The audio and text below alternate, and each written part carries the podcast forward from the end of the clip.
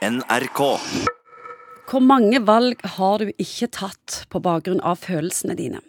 Følelsene styrer ofte både hos meklere, foreldre, statsledere, venner og kjærester, og det preger alt vi sier, tenker og gjør. Forstår vi alltid følelsene våre som voksne? Nei, det tror jeg ikke. Følelser er av karakter ganske sånn eh, dynamiske og foranderlige, og kan være styrt av ganske impulsive ting. Og det er veldig mange opplever at eh, når du blir eldre, så er det litt lettere å romme følelser og trykkteste at følelsene er nøyaktige beskrivelser av virkeligheten enn når du er yngre. Yngre folk er mer impulsive, tror mer på følelsene og har ikke samme evnen kanskje til å containe disse følelsene før de, før de klinker til. Så det å bli voksen handler jo mange ganger òg om å bli flinkere til å holde kjeft og, og faktisk ikke si den første innskytelsen som kommer. Og så er det sånn at Psykologien har jo vært opptatt av å forstå følelser, for i og med at følelser kan være viktige innganger til mer underliggende konflikter og problemstillinger.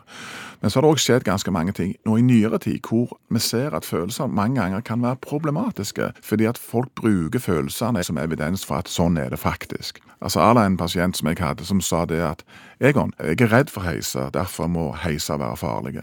Altså Du bruker på en måte følelser som evidens for at noe faktisk finnes. Og det gjør jo at du kan spore helt av. Hvor vanlig er det at vi ikke vet egentlig hva vi føler?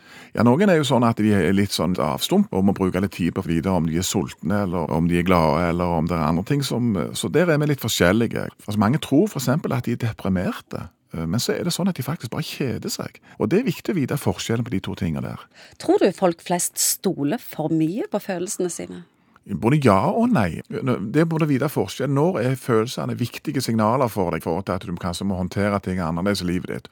Og når er følelsene bare etterlatenskaper og rester av gamle sår, eller altså har du fått deg en liksom smell avvisningsmessig på første kjærligheten din, så kan det godt være at du trekker dette avvisningskortet mye, mye før enn det du burde. Da blir følelsene problematiske fordi at det er ikke en god beskrivelse av den faktiske situasjonen for denne kjæresten, men det handler mer om at du gjenspeiler gamle gamle, kjipe ting. Og Da er det viktig å vite at følelsene dine denne gangen blir feil.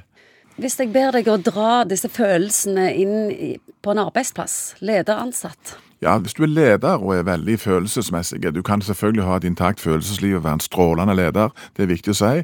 Men samtidig, hvis du er dreven mye av sånne impulser og sterke følelser, så må du være klar over at det oppleves ekstremt sterkt for de som står rundt deg, og for du har en enorm forsterker rundt deg hele veien når du er leder.